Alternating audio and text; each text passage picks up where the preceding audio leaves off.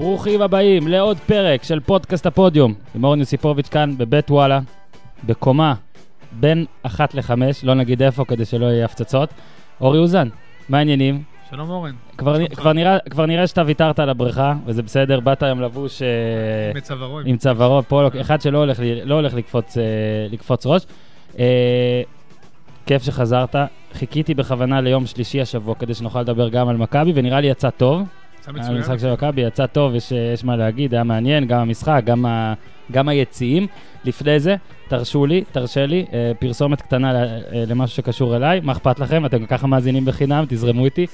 ב-25 בספטמבר, יום שני, אחרי החג, מה זה עוד שבוע כבר, לא? מה התאריך היום? כן, ביום שני תשעה אחרי. החג, ערן זהבי, זה שכתבתי עליו ספר, מגיע לארץ ומגיע לקניון עזריאלי בחולון, לצומת ספרים שבקניון עזריאלי בחולון, כדי לחתום לכל האנשים שביקשו חתימות מערן זהבי על הספר, ולא הצליחו, אז יש ערב השקה וחתימות של- צומת ספרים, אה, הם, הם מארגנים את הכל, אני מצטער, אני לא יודע להם, אה, יותר מדי. אל תתנצל, אל תתנצל. לא, אני יודע להגיד לכם, ש... אני יודע להגיד לכם שאני אהיה שם גם, וערן זהבי יהיה שם, וזה מ-5 עד 8, אמרתי לכם ביום שני, למה חולון, אם אנשים מתל אביב מתנסים שואלים, קודם כל אחלה בחולון.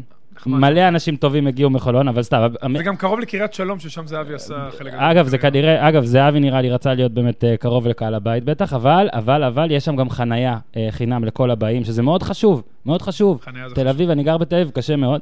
ויש מתחם ענק, יהיו כל מיני, יהיו גם שאלות, כל מי שיבוא יוכל לשאול שאלות את זהבי, ויש נראה לי, יהיה מעניין לשמוע מה עבר עליו אה, מאז הבלגן שהוא יצר כדי לקדם את הספר שלי. אה, אז, אז זהו, זו הייתה פרסומת קצרה, ועכשיו אנחנו נתחיל אה, בפול פאוור. אורי אוזן, כתבתי טור על מאמנים השבוע. כאילו כל יום ראשון אני בערך כותב טור שהגימיק שלו הוא המאמנים, וגם בטח ניגע בזה, נעשה את הגימיק הזה היום, כי הוא, הוא מאוד רלוונטי.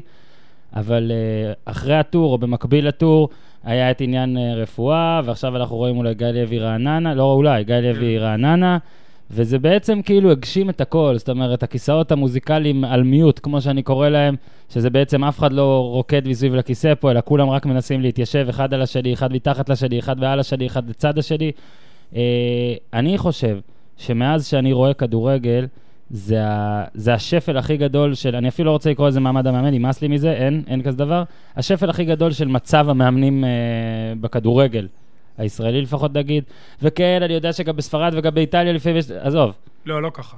משהו פה ממש מעצבן, ואני אשמח לשמוע ממך. תשמע, זה אפילו, זה שפל ש... זה משהו שמידרדר משנה לשנה, אה, גם ברמת השכר וכמובן ברמת המעמד. אני חושב ש... תשמע, גם למאמנים יש חלק בזה. קרה משהו בשנים האחרונות עם התערבות מאוד מאוד בוטה של בעלים בעבודה של אה, מאמנים, שבסופו של דבר זה פוגע בשני הצדדים, כי השחקנים יודעים את זה. הרבה יותר קשה לכבד מאמן, אני הייתי שחקן שאתה יודע שהוא לא כל כך מחליט. מן הסתם זה פוגע גם בתפקוד של המאמן והצוות שלו. ומאמנים נתנו לזה לקרות וקיבלו את העבודה למרות שהם ידעו שזה מה שקורה. ואז מגיעים למצב, תשמע, זה מצב הזוי. אנחנו עוד לא בראש השנה. חמישה מאמנים בוא, בוא מתוך, מתוך 14 כבר, שהתחילו, עשו את המחנה אימונים, הם לא איתנו. נכון, יש סיבות כאלה, סיבות אחרות, אבל זה עדיין לא די, משנה. אין הצדקה וזה לזה. גם המשך למה שקרה שנה שעברה, שלא לדבר על יועץ אחד שלא איתנו אחרי שבוע, ועוד יועץ שמנהל אתמול דיונים משורה שלישית עם המאמן שלו, שתשמע, זה גם פוגע במעמד המאמן, ש... זה, זה פשוט דברים שלא יכולים לקרות בחו"ל. דרך אגב, אמרת מילה על ספרד לפני שאתה ממשיך, אז בספרד יש חוק שאומר שמאמן שסיים תפקידו בקבוצה, לא יכול לאמן באותה שנה בקבוצה אחרת, הוא צריך לקבל את השכר שלו, ולא יכול לאמן באות, באותה שנה בקבוצה אחרת, שלא... ואתה יכול לשאול הרבה מאמנים שעשו את זה, וחלקם גם מצטערים על זה. אז אני חושב שזה גם משהו שצריך לקחת אותו בחשבון, גם בתוך ארגון המאמנים, גם ברמת השכר וגם ברמת. לא המעמד, איך הגדרת את זה? מצב, מצב אני לא רוצה. להגיד, זה, בת- עומד זה לא. לא, זה לא אולי עומד. זה דיברנו מיטת- המאמן, ארון קבורת תשמע, המאמן. לי זה מאוד או- עצוב, כי אני גם מאמן בפועל בנוער. דרך אגב, בליגה לנוער שנה שעברה, שבעה מאמנים שהתחילו את העונה לא סיימו, בליגה לנוער. לא יאמן. זה פשוט לא יאמן מה תשמע, שקורה. אני אגיד לכם, קודם כל, המאמנים אשמים מאוד, רק ניתן אה, תמונת מצב באמת. הגע- הגענו לחגים, אורי אוזן, זה פרק ראש השנה, שיהיה לכל אורך ראש השנה... תשע"ז... אה, אז עוד- תש"ע עוד יום. אה, על המאמנים, ותראה, רפואה, מימר, סבירסקי, רן בן שמעון, שכמו שאמרת, זה גם נחשב, היה, ב... היה במחנה, דודו אברהם ושריף טירספול. ושמע, מה שמדהים זה שמימר לא פוטר על, מקצוע... על... את תוצאות מקצועיות, אה, רפואה, רק ההתחלה הייתה קשה, אבל יחסית לשנה שעברה, בשום מצב מתוקן לא נראה שהוא עומד להיות מפוטר או הכל זה. סבירסקי, אני אפילו לא יודע מה קרה שם. אולי הוא לא בן אדם אמיתי, אגב, צריך כן, לבדוק. יכול להיות, יכול להיות שזה סתם דרך שניצל. אגב, היה היה איזה אשליה שהוא היה גם בנצרת, אם אתה זוכר, איזה אשליה שהוא היה שם כמה מחזורים. לא, מה שגם נראה לי דיברנו על זה, אבל מה שמצחיק זה שכאילו אתה יודע שהוא לא יפתח את העונה אפילו, כן. נכון? ברגע שהוא בא, אתה יודע זה לא יקרה. too easy, כן. מביאים יהודי ברזילאי, איך... ללא שום רקורד, כן, ללא שום... הוא... כן, האמת היא, אתה יודע מה? זה גם מראה לך, אתה יודע, מאמן, מה הוא חושבים התפקיד על הכי זה? חשוב, לא, המאמן זה התפקיד הבעלים הכי לא חושבים על זה. חשוב לא, בקבוצה. לא, בעיני לא, טביב, לא. עובדתית. בעיני טביב, לא. מחקרית, נכון, מחקרית. נכון, אבל ודרך אגב, בארץ זה- לא. ההשפעה שלו היא רק 10%, זה יותר מההשפעה של כל שחקן אחר, אינדיבידואל אחר בקבוצה. אבל היא ההשפעה הכי גדולה. זאת אומרת, שכל הבעלים האלה, שרובם הם אנשי עסקים, לעסק שלהם, את המנכ"ל, הם ייקחו בן אדם, אני מאמין, שא' כל יש לו הצלחות, גם אם יש לו בדרך כמה נפילות, אבל יש לו הצלחות. חד משמעית. בן אדם מוכח שהם מראיינים אותו, שהם יודעים מי הוא, ובכל זאת, אתה יודע, מביאים מישהו מברזיל, שהבוס יושב באולפן ואומר, אני בכלל לא דיבר, לא יודע מי הוא, עכשיו אני מדבר פעם ראשונה. אתה אומר לעצמך, בואנה, מה, מה הולך פה? מה, לא, מה מה, הולך? מה, מה- מה אנחנו, מה מה לא פה? יודעים? כי אם אנחנו יודעים הכל, זה פשוט דבילי. אז אני, אני כבר מקווה בשבילם שאולי יש פה איזה משהו פלילי, לא סתם, אני מקווה שיש פה לא איזה משהו הזוי, לא שכאילו אני אגיד, טוב, אתם לפחות לא דבילים. לא, גם אתה אומר, מה, עוד פעם, אתה רואה לפעמים כל מיני קבלת החלטות, גם ששוב, בעלים, האם אתם מראיינים את המאמן? האם אתם שואלים אותו? האם אתם באים איתו בדיון? יכול להיות שגם מאמן שנכשל הבוסים במקום X? בדיוק. האם, יכול להיות שגם מאמן שנכשל במקום X יצליח במקום Y, נכון, זה לא, אבל לא אולי- פוסל. אבל אבל מה- אם הוא נכשל במקום X, Y, Z, ויש עוד כמה אותיות באנגלית, אולי פה משהו... אז אין ספק שלהוציא את מכבי תל אביב, מכבי חיפה והפועל באר שבע, אולי גם עכשיו אני יכול להגיד זה על נתניה, רוב הבעלים לא מתייחסים למאמן כמו מנכ"ל, שאתה אמרת בעסק שכן יהיה להם, אוקיי? נכון. רוב המאמנים לא. אגב, גם ג'קי בן זקן, שעזוב את זה שהוא מנהל את העסק שלו מהכלא, אה, זה שהוא למשל מביא את ראובן עטר, ששוב, אתה יכול לאהוב את ראובן עטר, אבל לא. אתה רואה את הרזומה אבל שלו. ת- תתחיל משנה שעברה. כל השנה שעברה, כל הסאגת מינויים באשדוד, הרי זה ראובן עטר הוא המאמן משנה שעברה, כמה? הרביעי? מהמם. אני לא טועה, נכון? אה, אם אתה מכניס את לא הוואט ואת מזרחי לפרקים, וגילי כן, לנדאו שהיה כן. שם באיזושהי תקופה. היה מנהל מקצועי, שזה גם, מנהל מקצועי זה גם לא באמת מנהל מקצועי. בדיוק. כאילו, זה יועץ כבר, לא זה יודע. כבר לא יועץ. לא, זה עכשיו, כן תקשיב, בנוער, עכשיו כן הרי. ביתר הביאה את אלי כהן וקרא לו יועץ, רק מק- מקלרן היה במכבי כיועץ, כי זה- זה פה- לא היה להם איזה תפקיד לא היה להמציא. מילה. כן, כי... רגע, אבל מה זה יועץ? הוא אמר שהוא המאמן, והוא אמר שהוא אז קובע אז הכל. אם הוא אמר שהוא המאמן, למה הוא ביציע? ול- בדיוק, ולדעתי, יש, אתה יודע, מדברים על הגזענות, לדעתי גם באמירות האלה... לא גם, אלי כהן לא פוטר בגלל גזענות. עזוב, די, אל תאמין. לא, אנחנו יודעים. שהוא לא... אלי כהן פוטר. אה, אני... שוב, אני... שוב, סליחה, הוא לא התפטר, לא, הוא התפטר. לא משנה, הוא עזב. תקשיב, תקשיב. בוודאות הוא לא גזען. זאת אומרת, זה- זה נכון. לדעתי אפילו לא צריך להיות דיון, כאילו, לא, לא, לא. קודם כל הבן שלו גם, עזוב. לא, לא יכול, לא. הבן אדם. בוודאות לא גזען. אגב, אף אחד לא נראה זה לי אחד חשב שהוא הרעיונות, גזען. תקשיב, מה- קודם כל כשאתה מתראיין, זה, שוב, לא ממרומי, אמרנו, לא בשער של ידיעות אתה צריך להגיד, אתה- כשאתה מתראיין, אתה צריך לדעת למי אתה מתראיין, ואתה צריך להעביר מסר מסוים שאתה רוצה להעביר. כן. ואתה צריך לבקש אישור. בדיוק. לא, אתה מעביר, בקבוצה, אתה צריך לבקש. אישור. אתה צריך להיות גם חכם. אתה לא צריך קודם כל לעלות, אתה יודע, לפתוח, אתה יודע, תיבת פנדורה ולהתחיל לעלות דברים... אה, איזה תיבת. פנדורה? הכל היה שם 100% של דביליות. באמת, אני, אני- שוב טוב, אני לא, אומר, אתה משתמש במילים קשות, אבל אני... למה? אני עכשיו, אגב, העירו לי על מילה קשה שהשתמשתי בשבוע? שעבר, אה, אידיוט. אוקיי. ולמרות שלדעתי מותר מדי פעם להגיד אותה, הרי זה לא איזה דיבה או משהו, אני לקחתי את העצה של, אה, של ארול היקר והטוב ואמרתי דביל. אז ארול, אם דביל גם אסור לי, אתה צריך להתקשר אליי ולהגיד לי מה מותר להגיד, כי כבר אני לא יכול להגיד שום דבר. אפשר חיובי. בקיצור, זה לא היה חכם, אם לא היה אני אגיד ככה, תקשיב. ובשער של ידיעות, ואמרתי את זה בפוד עם הופמן, בשער של ידיעות היו איזה חמישה ציטוטים מהרעיון, כולם היו יותר, לא אידיוטים, לא דבילים, לא חכמים. לא חכם. כולם היו יותר לא חכמים מהציטוט על, על ערבי מוסלמי, שחקן שיגיע. ואני אגיד לך, הוא, הוא, הוא, אבל זה גם מראה, זה מראה על, על הנהלת בית"ר ועל על הניהול של בית"ר. זאת אומרת, נראה לך ששחקן, מאמן, איש מקצוע, נגיד הספרדי מריאל מדריד, אני שכחתי את השם, סליחה, שג'ורדי הביא... אה, פויאטוס. כן.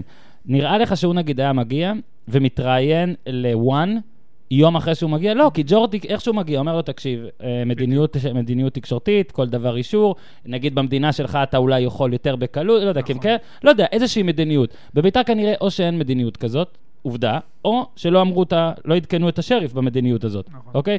ו- וזה פשוט היה, בגלל זה זה גורם לי כבר לחשוב שאולי היה נוח להם שיהיה את הדבר הזה, שיהיה לנו איך לרדת מהעץ הזה. שמענו גם, אני לא יודע אם גם אתה שמעת, אני יכול להגיד לך שאני שמעתי ששחקנים בביתר, וגם פורסם קצת מזה, לא אהבו את, אה, את השבוע הזה, את, את, את ירח הדבש כן. עם, היועץ ה, עם היועץ השריפי. ואגב, שזה מראה על עוד בחירה גרועה. אתה יודע, מחמיאים לטביב על העין שלו והכל, וגם כתבתי את זה. הבן אדם לא יודע לבחור כנראה, כי הוא בוחר מאמנים שהם לא בשלב בחיים שהם מוכנים לביתר, ואז גם אם במקרה הוא מצליח איתם, נגיד גיא לוי עשה סטטיסטיקה יפה, דראפיץ'. דראפיץ' עשה, לא רק סטטיסטיקה, דראפיץ' היה מצוין, אם הוא מצליח איתם, הוא משחרר אותם. בגלל זה גם כתבתי בטור כן. שהוא, שהוא עושה את כל הבלאגן. הזה. כן, כי, כי תסתכל עכשיו. אוקיי, בואו נעשה טיפה סדר. מימר, אה, במכבי פתח תקווה, שאתה עובד במכבי פתח תקווה, אז על מכבי פתח תקווה אתה לא תדבר, אבל אני אגיד על מימר למשל.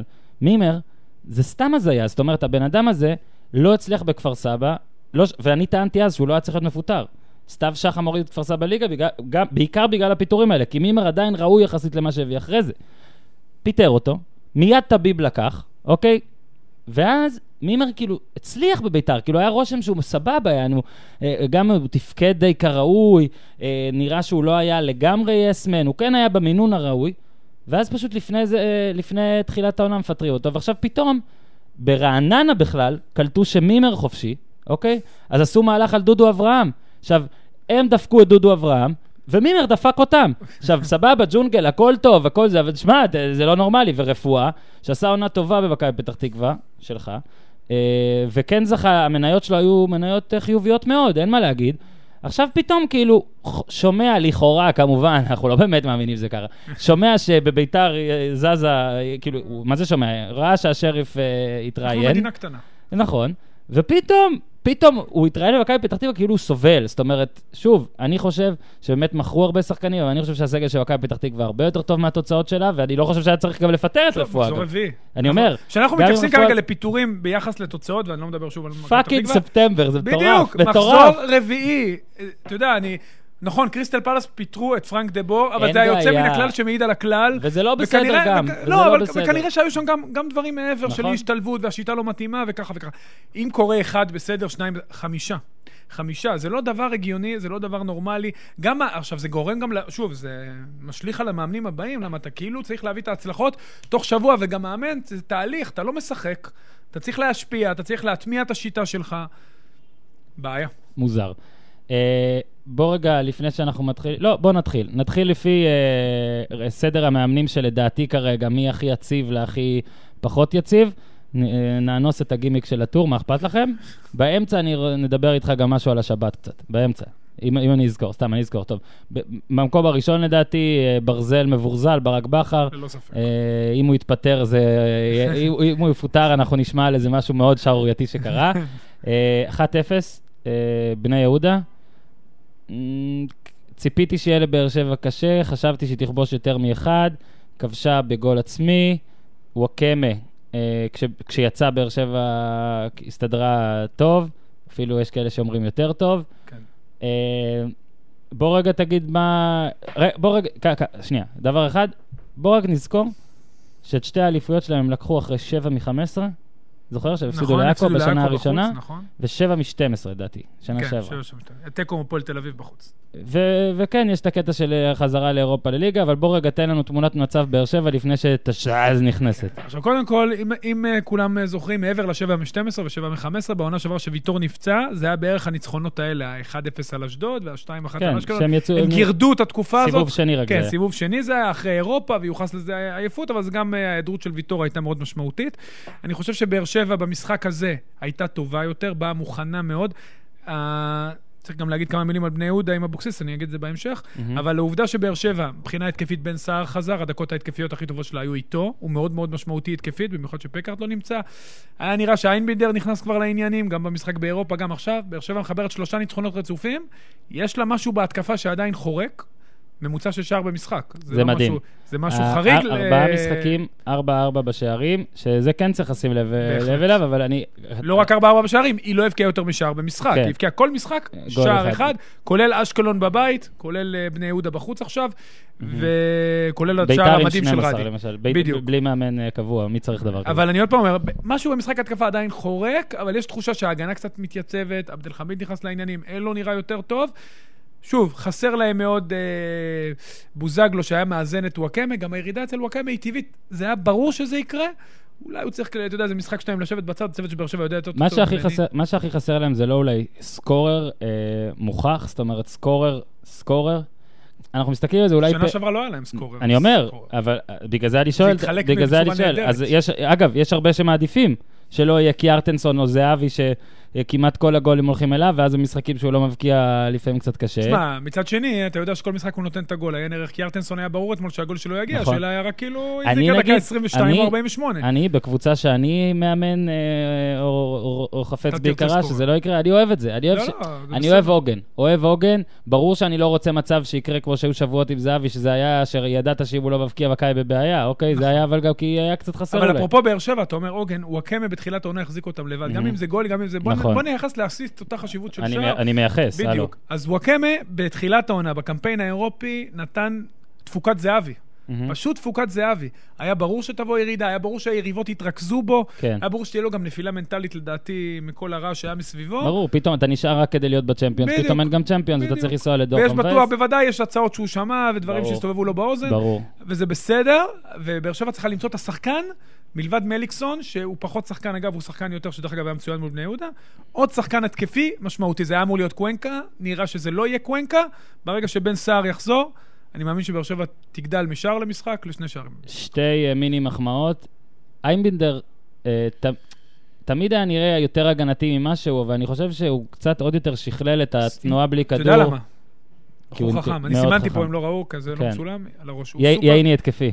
סופר כאילו אינטליגנט. נכון, מנסה כן, כן. להיות התקפי בביתר, בביתר, הוא ירד אחורה, הוא איזן את המשחק. דרך אגב, החיסרון שלו בביתר מאוד בולט, ואם הוא היה. משחק בביתר מול הפועל חיפה, נגיע לזה, הם היו מנצחים, יחד עם רואדה כמובן, אבל הוא באמת שכלל את עצמו. השער מול הונבד עם הצטרפות נהדרת, השער עכשיו אה, מול אה, מליקסון. לוגנו הצטרפות אבל, נהדרת. אבל אני, אני מפציר בכם להסתכל על הגול, לראות את איימבינדר לכל אורך הדרך שמליקסון בא לעשות את ההטייה, התנועה בלי כדור מאוד מאוד מרשימה. אבל זה, אם לא הייתה תנועה בלי כדור, מליקסון לא יכול למסור את הכדור נכון. הזה. כמובן שצריך ש- שניים לטנגו, צריך את המוסר, צריך כן. את זה שעושה את התנועה, אבל ברגע שבאר שבע תוסיף לרפרטואר של השחקן שעושה תנועות בקו שני, דרך אגב, חובן היה עושה את זה מצוין, והוסיף הרבה עומק, וגם התנועות שלו פינו אחרים. צריך לזכור שהתנועות האלה הן לא רק בשביל השחקן, אלא לפעמים גם בשביל השחקנים האחרים. ברור. איימבינדר שיפר את זה בצורה ש- מיני מחמאה מספר 2, חאתם אה, אל-חמיד.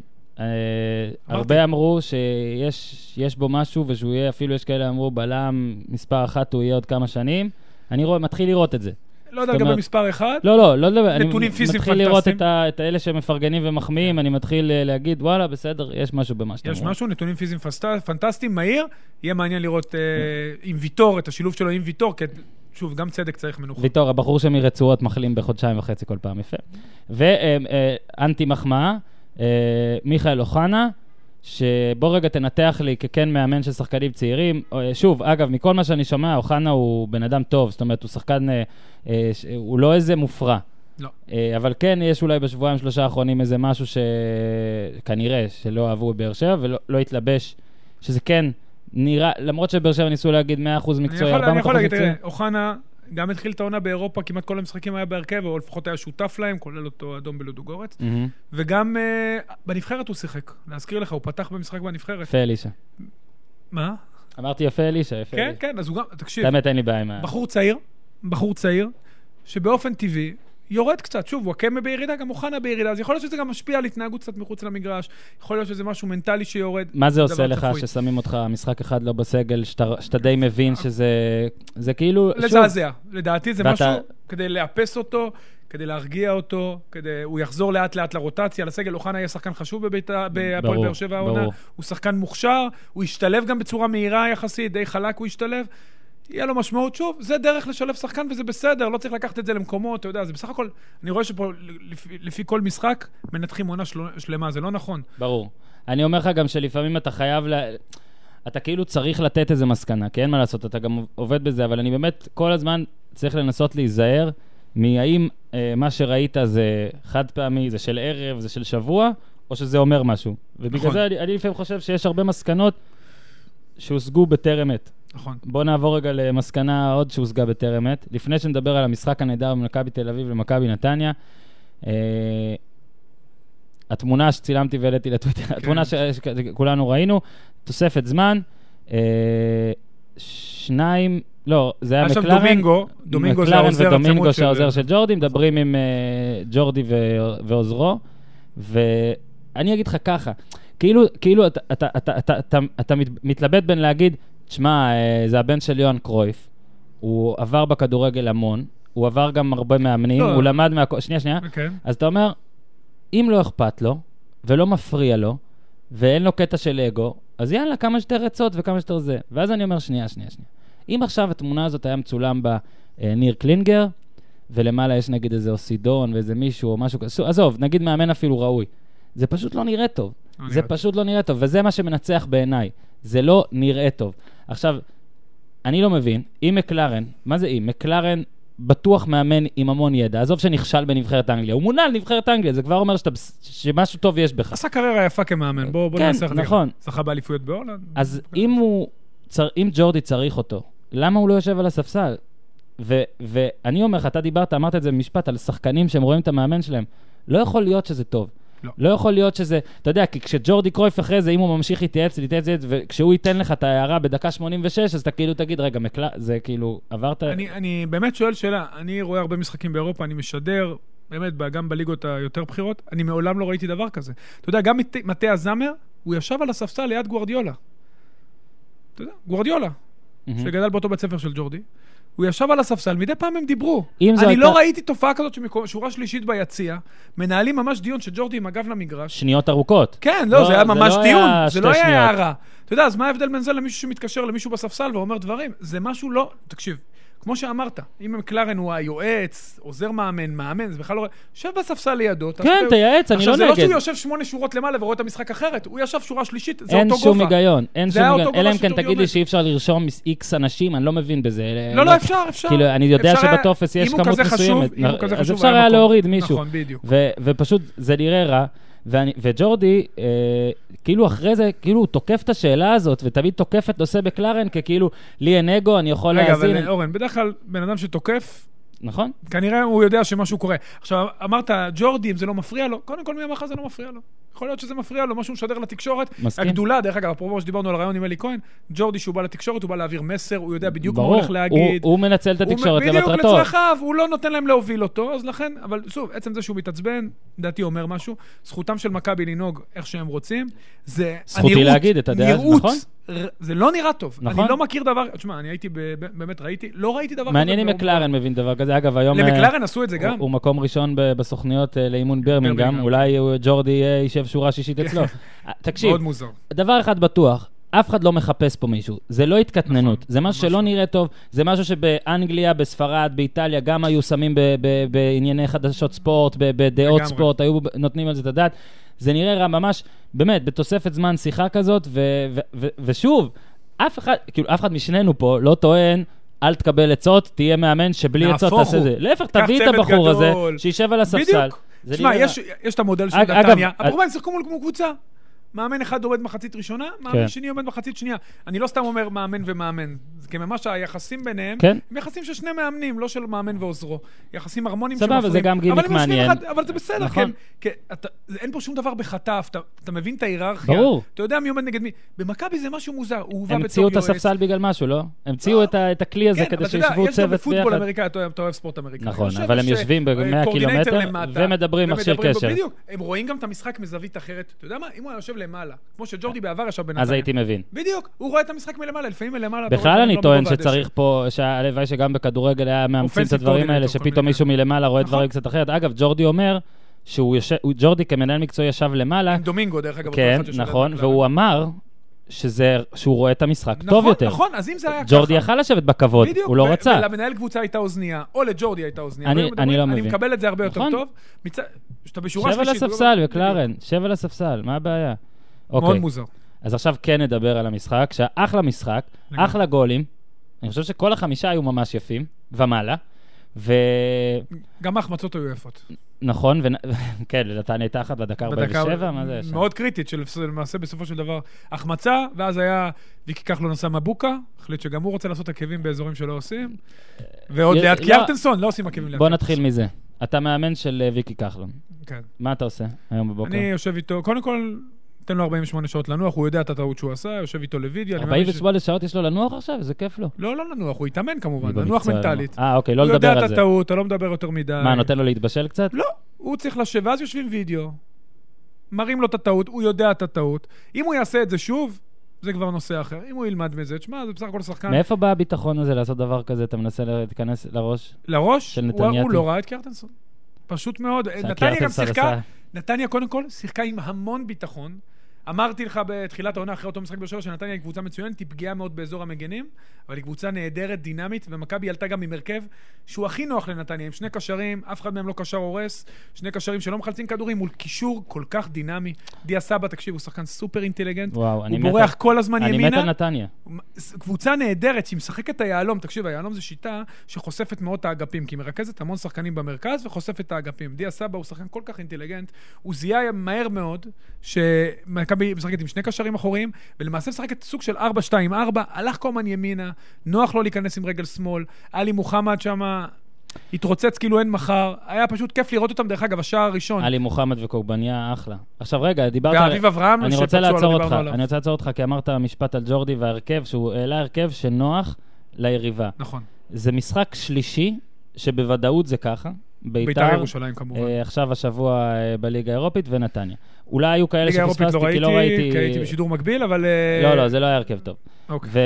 ושוב, מה זה לא הרכב טוב? זה לא הרכב- זה לא היה נראה זה ההרכב הכי טוב טעות, שהוא יכול זה- להעמיד. קודם כל בוא נגיד, ג'ורדי ניסה להעלות את דור מיכה, שדרך אגב, גם בעמדת הקישור, נכון, ונפצע. ונפצע. עכשיו, דור מיכה, גם מול ביתר, שהוא היה קשר, דור מיכה שחקן, לדעתי, בעיניים שלי, הכי אינטליגנט במכבי תל אביב בחלק הקדמי, עם התנועות. אני חושב עם שהוא צריך להיות בנקר בהרכב, אבל הנה, נראה לא, ש... לא, הוא בנקר בהרכב, נכון. נראה שג'ורדי נפצע עכשיו. לחודשיים, נכון. אבל לא בקישור. כנראה, בוא נראה. לא. בקישור, כי בקישור, שעם הרכות הזאת בקישור, זה. יצר מול ביתר, אתה ראית את זה שקלטינס פרץ שם, פשוט ביטל את הקישור כאילו זה לא קיים, כל השערים הגיעו מהאמצע. מול נתניה, שיש לה קישור כל כך דינמי, אולסק שחקן נחמד מאוד שמחלץ המון כדורים, מוחמד לא מפסיק לרוץ, קוגבניה לא מפסיק לרוץ, הם גם מצטרפים לעומק, ודיה סבא באמת, אם מישהו, מישהו בנתניה שראוי לנבחרת, זה הוא. שוב, לא צריך למהר והכל בסדר, אבל הוא פשוט פנטסטי, זה פשוט לשחק לידיים של נתניה, שמרכזת ארבעה שחקנים באמצע מול שניים. וזה מה שלא מתאים. את ברק יצחקי במקום מיכה, שברק יצחקי הרבה פחות נייד ממיכה, מה לעשות? הוא הרבה יותר חלוץ ממיכה. זאת אומרת שעוד יותר חשפת את שני הקשרים האחוריים לתנועות של ו- כל השחקנים. ונענש. ו- ונענשת. וכן היה שינוי, ותשמע, אה, עכשיו הוא גם נענש במעבר, אתה יודע, הגול השני זה גול שלא מתאים לג'ורדי ולא מתאים למכבי. כדור עונשין של מכבי.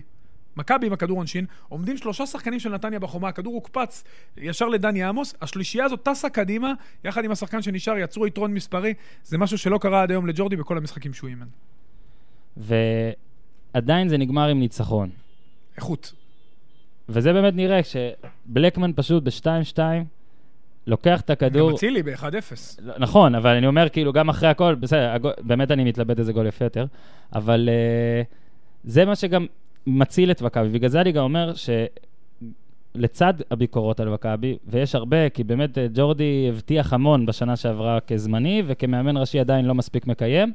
ו... שוב, מחזור אבל, רביעי. לא, לא, נו, הנה, אנחנו עדינים, לא, אני אבל אומר, עכשיו, רגע, בינתיים לא מספיק, למה, בינתיים. אורן? אה, ליגה האירופית הוא עלה לבתים? מהמם. עלה. אני מדבר על יכולת. אבל, בסדר, רגע, אבל הנה, יש לי, יש לי להגן. ש- אוקיי, להגן. הרבה מאמנים של מכבי לא היו בספטמבר מה שהם היו בפברואר-מרץ. נכון. אתה מבין? באו, לקח זמן, הכל. בגלל זה אני כן נותן, אני רק אומר שעדיין מכבי תל אביב, איכשהו עושה את התוצאות שצריך, ובגלל זה אני גם דווקא כן בא להגן ואומר, תקשיבו, רוב המשחקים בליגה, הנה גם נגד נתניה שאנחנו אוהבים ומרשימה אותנו, מכבי תנצח בגלל יכולת נכון, אישית. יכולת אישית בחלק ובגלל זה. ג'ורדי יכול, אבל אתה יודע מה אני מפרגן לג'ורדי מאוד מאוד? באמת. מותר, מותר. לפרגן פה לא, לא, לג'ורדי. אני- אני קודם כל מאוד אה, מחבב אותו, אבל... הוא הולנדי, חשוב לפרגן. לא, כן, ברור, משפחה. אה, הוא, שהוא היה 3-2, הוא עשה חילופים, עבר ל-5-4-1 בלי בושה, למרות שמכבי. הקבוצה הגדולה, ומכבי החזקה כאילו לא צריכה, אתה יודע, להוריד את הראש מול נתניה, עבר ל-5-4-1, בא לשמור על התוצאה, ג'ורדי מעניין אותו התוצאה, יש לו איכות נהדרת בחלק הקדמי. תשמע, יש לה גם אפשרות לשחק עם השחקנים שם, אם זה בלקמן, ואם זה אה, עטר שעולה מהספסל, ואם זה כמובן אצילי וקיארטנסון, שהוא אמרנו כבר שהוא בנקר של הבנקרים, אז יש להם הרבה איכות מקדימה, גם עכשיו שמיכה פצוע, שזה יפגע בהם, אז אני חושב שמכבי מאוד איכותית, אבל מכבי... אני מרגיש שג'ורדי עוד לא מצא את הנה, הסיסטמה שלו. או, זה מה חמש, שרציתי להגיד. אחת פה. זה מה שרציתי להגיד. בדיוק. עוד לא מצא את השחקנים הבנקרים.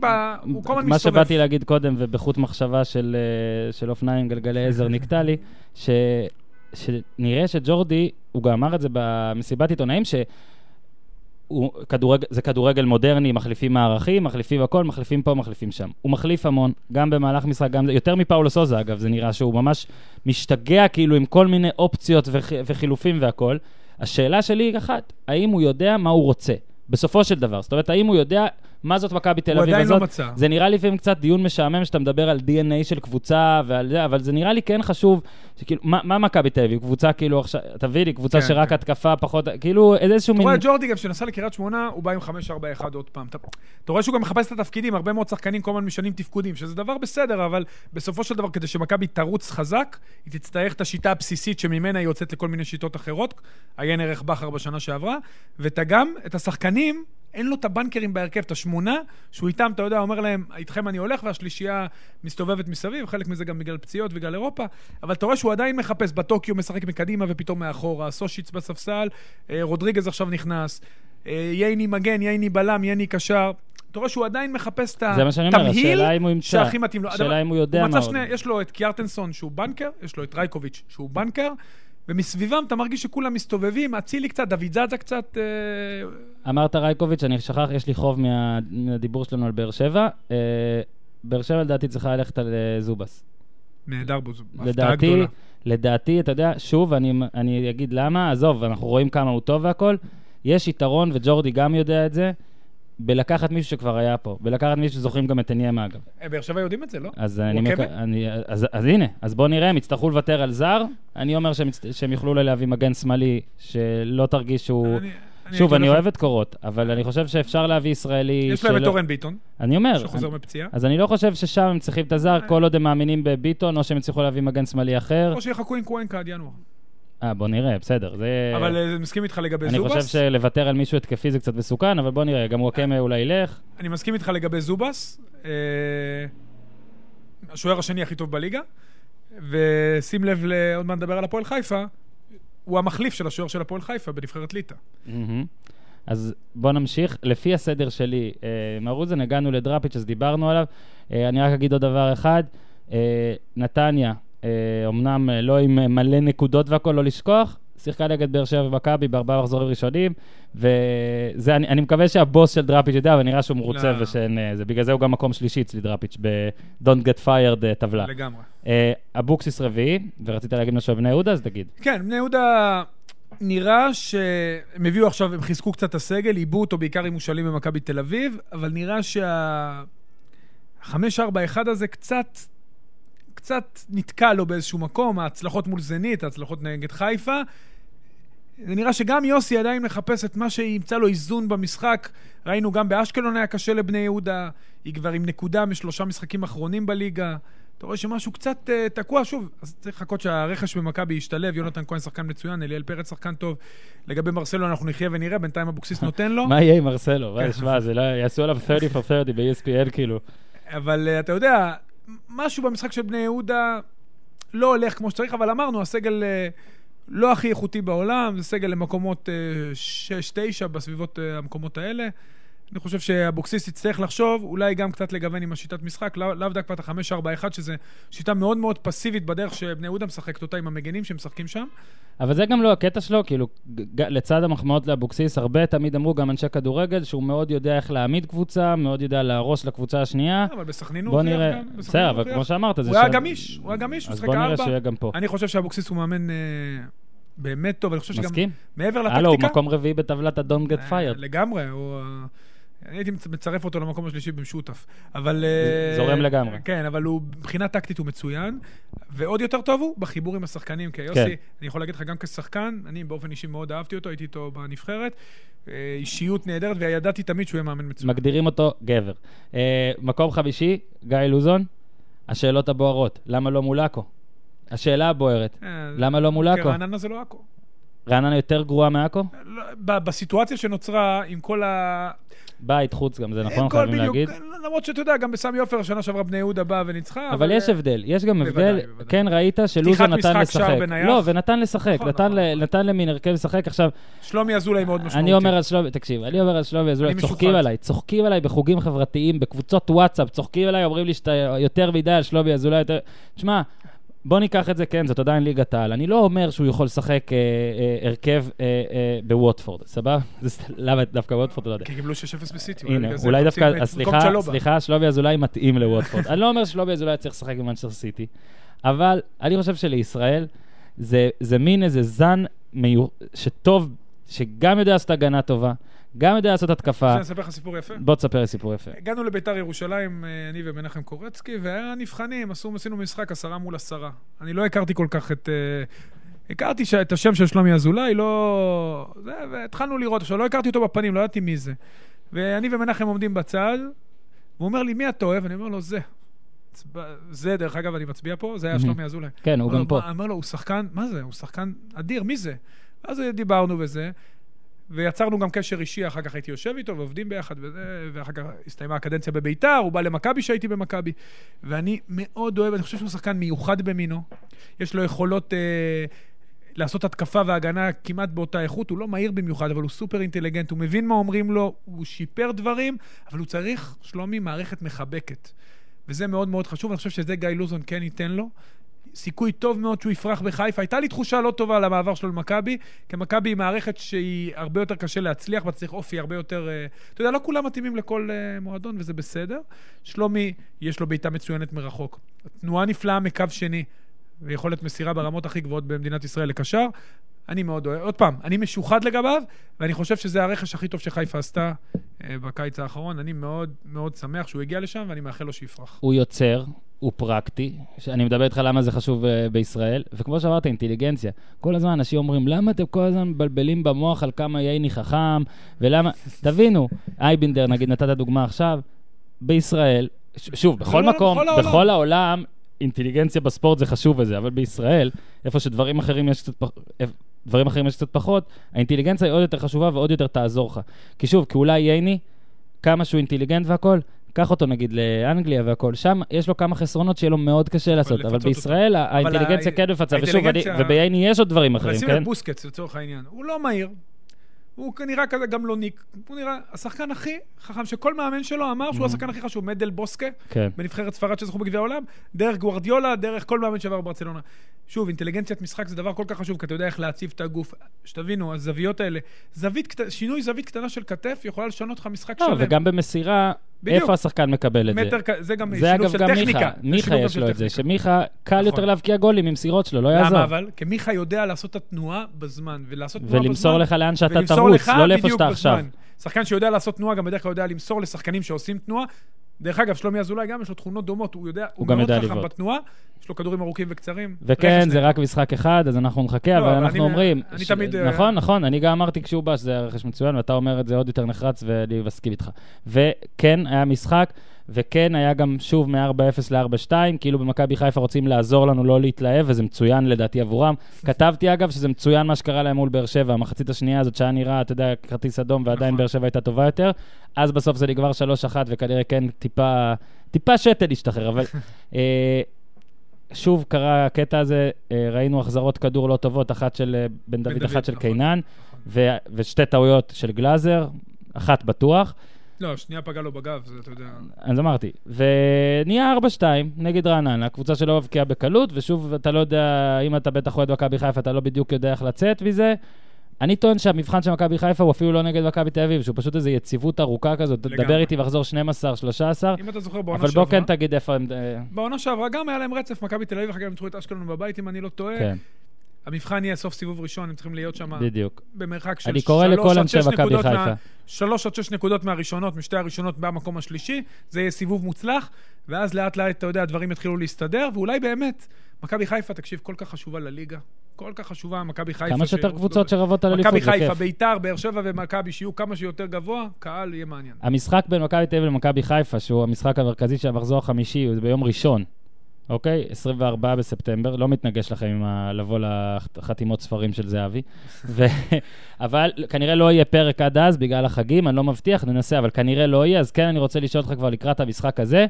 בוא רגע רק נגיד לאנשי מכבי חיפה, כמו שאמרת, שגם אם אתם מנצחים במשחק הזה, למטה, תהיו. למטה, תחשבו על מחזור 13, גם אוקיי? סוף גם אם מחזור מנצחים את 13. המשחק הזה, הם תשע מכבי. אמרתי, לא. תחשבו על מחזור 13, אל תחשבו על זה, ובכל זאת במצ'אפ הזה, אני נראה לי יחסי הימורים עוד לא יצאו, אבל מי לדעתך, אה, כאילו, טוב, לדעתי מכבי אביב פיבוריטית, כן, גם אבל. אבל בוא, האם, האם, האם, מה אתה, מה אתה מרגיש לקראת המשחק הזה?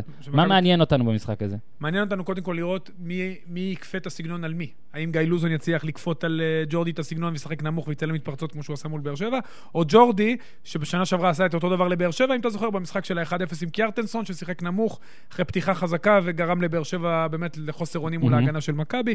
יהיה מאוד מאוד מעניין לראות את אלירן עטר כמובן. או, אני רגע, חושב אני- שזה הכי מעניין במשחק הזה, מבחינה לפחות פיקנטית, ויהיה מעניין לראות עוד יותר איזה מערכים יעלו שני המאמנים. כי שני המאמנים, יש תחושה שהם עדיין לא נעולים על, נעולים על ה...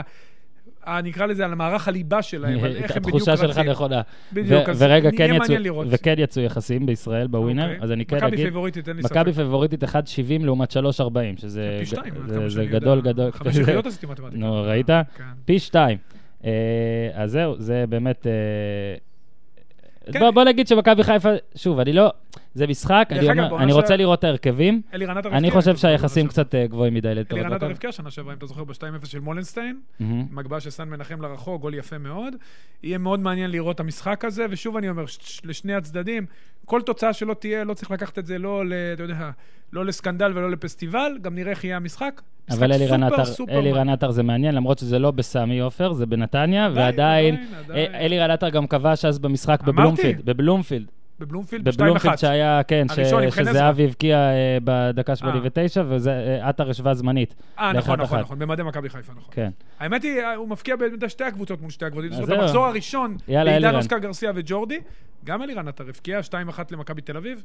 ואם אני לא טועה, זה... מה ההימורים על הגול של אלירן עטר פה? בוא נבדוק, לא, לא, לא- זה לא הולך להיות אה. אלף, אני רוצה לעודד אנשים, לא סתם. אה, זה הולך להיות, אה, אל- אלי רטטר לא לא כבש שער במדי מכבי תל אביב, שער ליגה 1,654 ימים, זה כבר המון, בואנה, זה הרבה זמן, אלירן, אלירן. אבל הרבה ימים אלירן. לא היה שם פשוט. נכון, רוב הימים האלה הוא לא היה שם. רוב מוחלט. בסדר גמור. יאללה, עברנו ל... לא, אני רוצה כן קצת רעננה.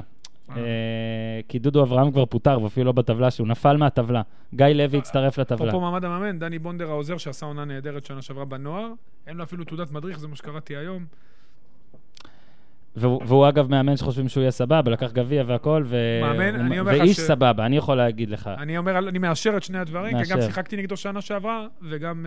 אה, אגב, הוא כתב אתמול בפייסבוק, אה, כאילו כי הרבה אנשים שאלו, ויש איזה מחוז שדיב, שהוא עוד לא יודע מה קורה, משהו כזה, אני לא רוצה, לא מצטט, כי אני לא, לא זוכר אחד מילה למילה, אז אל תיקחו את זה עד כדי כך, אה, מילה במילה, אבל אני רוצה להגיד, אני חושב שצריך להישאר. זאת אומרת, אני, אני חושב... למה לא? הוא מינוי, הוא לא, הוא לא... תקשיב, יש הבדל בין מאמן, עם שמביא את העוזר שלו, כן.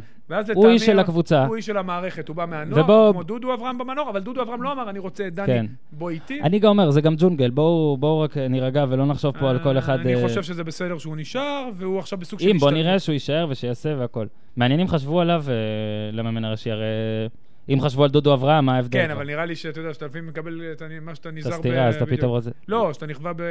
ברותחין אלה נזיקין. ופושרין. כן, בדיוק. אה, השאלה שלי הבודדה לגבי הקטע על רעננה, מה חשבתם שיקרה? זאת אומרת, סבבה, הבאתם את- הבאתם את דודו אברהם, שזה מאמן חסר ניסיון. כן, מצד אחד. רגע, לא, לא, אה. חכה.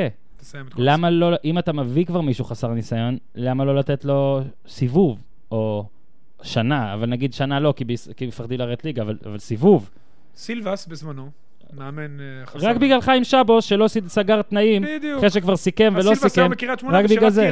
נכון, נכון? בדיוק. נו, זה אה, הקרוסלה דרך אגב, המטורפת פה. סי- חיים שבו אפילו העביר אימון. כן, הוא כן. העביר אימון. נו, אני... ונתפוצץ על דברים אחרים, וסילבס אולי חזר. דודו אברהם יחזור ויקח את רעננה לאליפות עוד העונה, בוא כן, נראה. אבל זה לא יקרה, אבל אני, אני עוד פעם רגע על דודו אברהם, שהיה קונספט יפה דווקא שאני באופן אישי אהבתי, לא בגלל שאני מאמן נוער, שמאמן שגדל מלמטה, נכון, הוא יצא, פחות הצליח ברמת השרון, החזירו אותו. אתה יודע, אבל לבוא אחרי סילבס, שהוא מאמן אולטרה דומיננטי, לסגל שנחלש מאוד, בדיוק, מאוד, זה הרעיון. ולתת לו ארבעה מחזורים, שדרך אגב, במשחק מול סכנין, שזה משחק לדעתי שמשנה קריירה מבחינת דודו אברהם, הם היו נהדרים בחצי הראשון, התפקשש, חוסר מזל, או, הפסידו. אני רוצה לעצור אותך פה. אני רוצה לעצור אותך פה. כי יש לי הרגשה שהבעלים מפטרים את המאמנים שלהם רק לפי התוצאה, שאני... אני, תקשיב, מבחן התוצאה, אני, אני אחלה איתו, אני סבבה, אני זורם במבחן התוצאה, אני ומבחן התוצאה חברים. חברים. אבל, מה עם המשתנים? זאת אומרת, הלוז ששיחקת מולו, הסגל, המאמן שהחלפת, מי שיחקת? איך היה המשחק? האם הפסדת כי היית גרוע, או הפסדת בגלל משהו נסיבתי? בגלל שכמו שהוא אמר, אגב, נגד סכנין, היו מלא סכנין. האם אתה כבעלים הבאת לו את החלוצים הכי טובים? אוקיי, נגיד גוזן בקריית שמונה, נראה לי יכלת איכשהו לה- להילחם עליו, קודם, כבר שנה. שעברה, לא משנה, אני, אני מדבר. מסכים איתך. האם, אז גם, אגב, הנה, פושע, ש- פושע, נראה לי אמרו. שצריך להגיד, שאני חושב, אני חושב. נכון? בגד כפת הוא עם איפה? לא, אבל נראה לי הוא כזה, לא, כן, בשמות מה לא בגד כפת? בגד לא, כפת, אני יודע. בגד כפת, לא, ואני גם הציון חברים, שלי אגב. בלשון היה בסדר. אה, אני 100, אגב, כן? בלשון. כי, אבל היה. קטיושות ביום הבגרות, אז נתנו לי את המגן, והמגן היה אה, 100. אוקיי. אז יש לי 100. אבל ראית איך לא רימיתי? לא רימית. הבאתי. אה. נסראללה, אז נתן לי 100 ב- ב- ב- בלשון. אז אני אומר ש... קצת התייחסו, סבבה, 1 מ-12, זה רע, זה נורא, אני מסכים, מבחן תוצאה, אחלה. בוא רגע, שנייה, מה הסגל שלנו? מה, מה אנחנו כן רוצים? אתה יודע שהרבה מאמנים, היה, היה לפני ש, שנתיים לדעתי, זה, זה, זה, זה לא נדיר, אבל זה קורה, שיש מין לוז לקבוצות שבשלושה משחקים זה גם מכבי וגם באר שבע. גם השנה נראה לי זה די קרוב. ואז ראיתי שאיזה ארבעה בעלים או משהו כזה, או פיטרו, או מאמנים התפטרו אחרי, אחרי, אחרי החודש הזה. ואני אומר, תקשיבו, זה לא מה שיהיה לכם בליגה, זאת אומרת, מכבי תל אביב ובאר שבע יש שתיים. מכבי תל אביב, זהו. באר שבע, דרך אגב, הפער ביניהם הוא שלושה משחקים. אז הנה, עכשיו זה לפחות של שלושה. כי נתניה קיבלו את שניהם בארבעת הראשונים. בגלל זה אמרתי, אבל אני חושב שלפני שנתיים זה היה אחד אחרי השני, או שניים מתוך שלושה. אוקיי. וזה, וזה, וזה, זה פשוט פיטר את לא כולם. עכשיו זה מדכא את כל נכון. הליגה. אז אני אומר, בעלים, תקשיבו רגע, תסתכלו מה, מה המשתנים. ואנחנו עוברים למקום השישי, לבן אדם אה, אה, חדש, ניר קלינגר ההתקפי, אוקיי? ניר קלינגר שאחרי המשחק אמר, אה, תוצאה קשה, אה, אה, תותבה לקהל, קשה למאמנים, משחק קשה לקהל, אה, משחק קל לא- לקהל. אני לא אוהב את המשפט הזה. אני גם לא אוהב.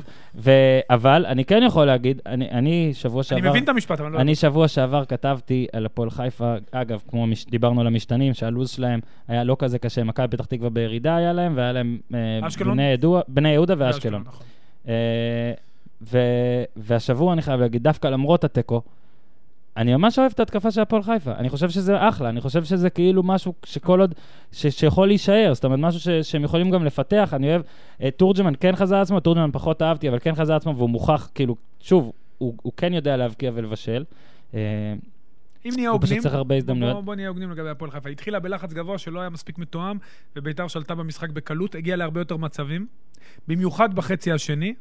עוד נקודה לגבי הפועל חיפה, לחנן ממן מאוד קשה באגף, הוא די Mhm. בא, לא, לא בא לידי ביטוי, והיה לו משחק אה, יחסית חלש, למרות שבגול היה לו חלק גדול, אני כן. אגיע לזה בהמשך, כי הוא אינטליגנט, נכון. אבל אה, כנראה בשביל שכל אפשר גם לשחק חלש, כי יש לך שכל, אתה יכול להשפיע על המשחק גם כשאתה פחות טוב, אבל אה, ביתר היו הרבה יותר טובים. בר- לא אמרתי, ועוד משהו לא אמרתי שלא. אמרתי למרות התיקו אני אומר הוא את לא זה. עשה חילופים, הוא הכניס בסוף את ממון קשוע, שבאמת הוכיח מהירות וכוח יוצא דופן, אני לא יודע לגבי איכות הכדורגל שלו, לא היה לו חילופים על הספסל התקפיים, אין לו, אין, אין עומק בהפועל חיפה, ובהמשך הדרך זה בוודאי ישפיע, אתה לא יכול להיות תלוי אך ורק בכושר של אז בוא רגע שניים וחצי נפרק את שחקנים. מה שקלינגר אמר על הכיף לקהל, קשה למאמנים, ונתחיל עם הכיף, והכיף בעיניי הוא שניים, זה עידן אה, ורד ועדן בן בסט. כיף גדול. ועוד שנייה נגיע לבן בסט. לגבי עידן ורד, אה, יוסי בניון היה פה בפודקאסט לפני חודש לדעתי, או טיפה יותר, אני לא זוכר בדיוק את התאריך, ואמר, אה, עידן, הוא אמר את זה וזה קצת נבלע, עידן ורד שחקן הכנף הטוב בישראל. בניון אמר. אה, מבחינתי, מבחינתי הוא מאוד דומה לדור מיכה, רק יודע לתת גולים וזה יודע לבשל. כן, אבל אבל תשמע, בסגנון, מאוד דומים. יש משהו בוורד שכאילו משהו טיפה כן התפוצץ. משהו, כישרון תמיד היה, אבל הוא לפעמים היה נראה קצת, אה, לא יודע אם חלבי או כזה, אה, כאילו אחד שנוח לו מדי והכל. נראה שיש פה איזו מופרעות אז אתה שכן רואה, בן החוצה. אדם שהיה לו נוח מדי, יצא למקומות לא קלים כמו הכוכב האדום בלגרד. כן, ויצא קנדה, ונקובר, אני יודע איפה זה היה. טורונטו, כן. יצא, חזר למקום שהיה לו מאוד נוח בתחילת הקריירה, ואתה יודע, פשוט כיף לראות אותו. הוא פורח, הוא מחייך. הוא צריך לזכור שבחיפה הוא התחיל מצוין, אבל היו לו כמה פציעות כתף שהוציאו אותו לניתוח, והוא קצת חזר פחות טוב, מהמם. ואז הוא יצא את לטיול הזה בחו"ל, ואני חושב שהוא, כמו שיוסי בניון, אני פשוט, הוא פשוט שחקן הכנף הטוב בליגה. הוא לא שחקן כנף פר אקסלנס, הוא יותר קשר, הוא כל הזמן נכנס למרכז. שני השערים שלו עשה מהצטרפות חכמה מאוד מקו שני. הוא מבשל שערים, מהמם. הוא נייד, והוא בעיקר משחק כדורגל שמח. ונעבור לעדן בן בסט. שמע, זה לא רק הגולים, זה איזה גולים. גול בעיטה חופשית, קריטי. בעיטה הגול- מדהימה. בגול השני הוא מסר ורץ למעלה, קיבל את הכדור נהדר והבקיע, וגם הגול הראשון מיקום והכל... אה, זיהה את הטעות של סאבו. כן, בראשון. חצי שנייה לפני שסאבו כן, כן, כן. כן. והיה קשה לי לראות את עדן בן בסט מתאושש ממה שקרה לו במכבי תל אביב. אה, כי כן, אתה מסתכל, הסתכלת על זה לקריירה, ואתה אומר, טוב, אז הוא הצליח עונה אחת בהפועל חיפה עם 18 גולים, שהוציא אותו לצרפת, כן. המשיך איזה מומנטום, ואז זה נעצר, ועכשיו זה נראה כאילו לא שחקן כדורגל בכלל, איך אפשר לצאת מזה? גם שכטר, אגב, היה במצב דומה ויצא נכון. מזה. מה שאומר, אגב, בישראל לא לקבור שחקנים לגמרי, כי איכשהו תמיד יוצאים גם מזה. בעולם לדעתי. נכון, ושמע, בן בסט נראה טוב, ו... ו- ו- והקטע הזה עכשיו זה, כן, אתה מתחיל לחשוב שזה זה הולך לעונה של, שזה יכול להיות עונה של 15, אני נזהר, נגיד 12, זה יכול להיות עונה יכול כזאת, יכול להיות עונה מאוד דו-ספרתית. טובה. יש שחקנים שמתאימים לקבוצות מסוימות. וכנראה שבמכבי תל אביב זה לא היה החיבור הנכון, ו- וגם במכבי חיפה ששם הוא... הוא, בסדר, זה לא היה נחשב, אבל... לא, לא, לא, אני אומר, יש מהשחקנים צעיר שנוח להם, בדיוק, שנוח להם, דרך אגב, הוא עלה לבוגרים שאני הייתי שם וזיהו מיד שהוא כישרון אדיר, אה, נוח להם מאוד שהוא בקבוצות מסוימות. זאת אומרת, כן. שם לא כל משחק הוא צריך להיות הכי טוב בעולם, אבל השפת גוף שלו כל כך טובה במשחק, כל כך חיונית, הוא עושה גם הגנה, הוא משחק בכנף שמאל, דרך אגב, לא חלוץ. הוא היה נפלא במשחק הזה. והשער השלישי, תקשיב, הוא לקח את הכדור, עליו עשו את העבירה, דרך אגב, כן. של חסרת האדום. הוא לקח את הכדור, עזוב, חנן ממן ניצל את, אפרופו אמרת על שכטר, שנכנס משום מה, לא יודע מה הוא חשב לעצמו, עמד על הקורה הקצרה, חנן ממן, החכם, זיהה את זה, עמד מול קליימן, שגם גנב ימינה, גם הוא בתקופה לא טובה. קליימן לא, לא, החיסרון של קליימן, אני אומר את זה המון זמן, זה בנייחים. יש לו חיסרון בנייחים. שימו לב, תחזרו אחורה, יש לו קצת איזה... הוא, למרות שהשער הזה מאוד מאוד קשה לעצור, לא, אבל בכל מקרה, הוא היה צריך. לעמוד בפינה אני רק שלו. אומר שיש לו הרבה יתרונות, אני חושב שהנייחים זה משהו ש... זה... תשמע, הוא נתן עדן, זה בעיטה של ווינר. נגד מכבי חיפה, 97. 3-1, אתה זוכר במכבי נכון. תל אביב, 3-1, שהיה את- הבעיטה הזאת, שזה היה בתחילה... עכשיו שנייה, רק רציתי להגיד, להוסיף לדבר הקודם. אמרנו עדן במצד שלושה, שלומי אזולאי רביעייה, ועמרי בן ארוש כבש גם. אני רוצה רגע לעצור פה עם החול הפופוליזם, של אה, וואלה, על מה מכבי ויתרה. נכון. מכבי תל אביב לא נחלשה, נכון. במאית, בגלל הוויתור על שלושתם. אה, לדעתי, עומר- לוותר על עומר בן ארוש, מכבי תל אביב יכולה רק להתחזק. עדן בסט היה לא נספר, ושלומי אזולאי, כמו שאמרת, אני לא פה מאשים את מכבי תל אביב ולא פה מאשים לגמרי את שלומי אזולאי, זה פשוט לא הסתדר. שלומי אזולאי, אם הוא היה סופרסטאר, הוא היה מסתדר גם שם, כנראה שהוא צריך לבנות את עצמו במקום אחר, והנה, כבר אמרת, אז לא, לא נטחן, אמרת שעכשיו כנראה עשוי להיות לו יותר טוב. אני רוצה להגיד, כמו שאמרת, לפעמים פשוט לא מסתדר. מכבי תל אביב יש סגל אה, רחב מאוד, לא כל אחד יכול להצליח שם. אה, לעדן בן בסט היא נתנה את ההזדמנויות בעיניי. עדן בן בסט קיבל את הצ'אנסים. עומרי בן ארוש, בו... מה זה קיבל? עומרי בן ארוש היה עוגן עיקרי במכבי תל אביב. שלומי אזולאי פחות, ועדיין.